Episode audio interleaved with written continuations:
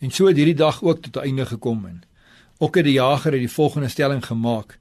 As jy baie keer as 'n begrafnisstoet verbygaan, wonder ek wie is dood, die een in die lijkswa of hulle wat die stoet volg. As jy tyd vat en in die koffiewinkel of 'n sentrum sit, sal jy sien hoe mense net oorleef. Jy sien mense gaan net aan met hulle dagtake. Mense maak dit net net.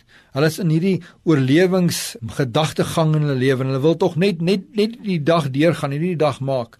En baie van die dag vandag by jou werk so gevoel. Jy het net probeer jou bes te probeer om net hierdie dag deur te gaan. Net deur te gaan en en en te oorleef en net vandag hier te kan sit en by die huis te kan kom en te kan weet jy het hierdie dag daarom afgehandel. Ek glo nie dis wat God in gedagte gehad het met Johannes 10 vers 10 toe sy belofte was 'n lewe in oorvloed nie. Ek praat nie nou van finansiële oorvloed nie, ek praat van oorvloed van blydskap, vrede, geluk en alles wat daarmee gepaard gaan.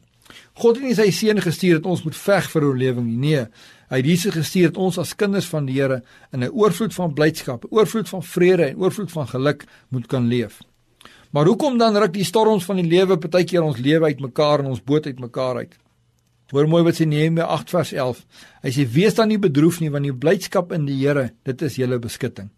Beskutting is iets wat jou wegsteek uit die wind en die weer en die reën.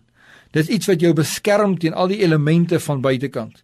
En nou sê Nehemia, hy sê luister mooi, die blydskap in die Here, dit is jou beskutting. Dis wat jou wegsteek.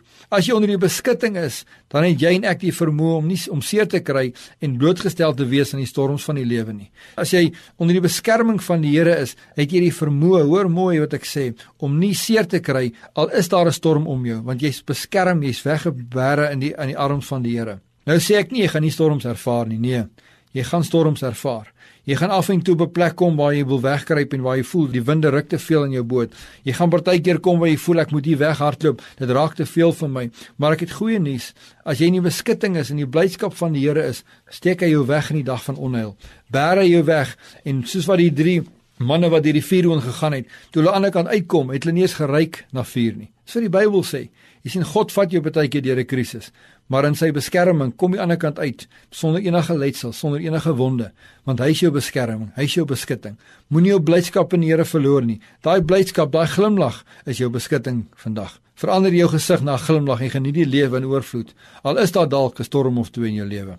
Kom ons bid saam. Here help ons om weer ons blydskap in U te herstel sodat ons onder die beskutting van ons blydskap kan wegkruip tydens hierdie lewensstorms. Amen.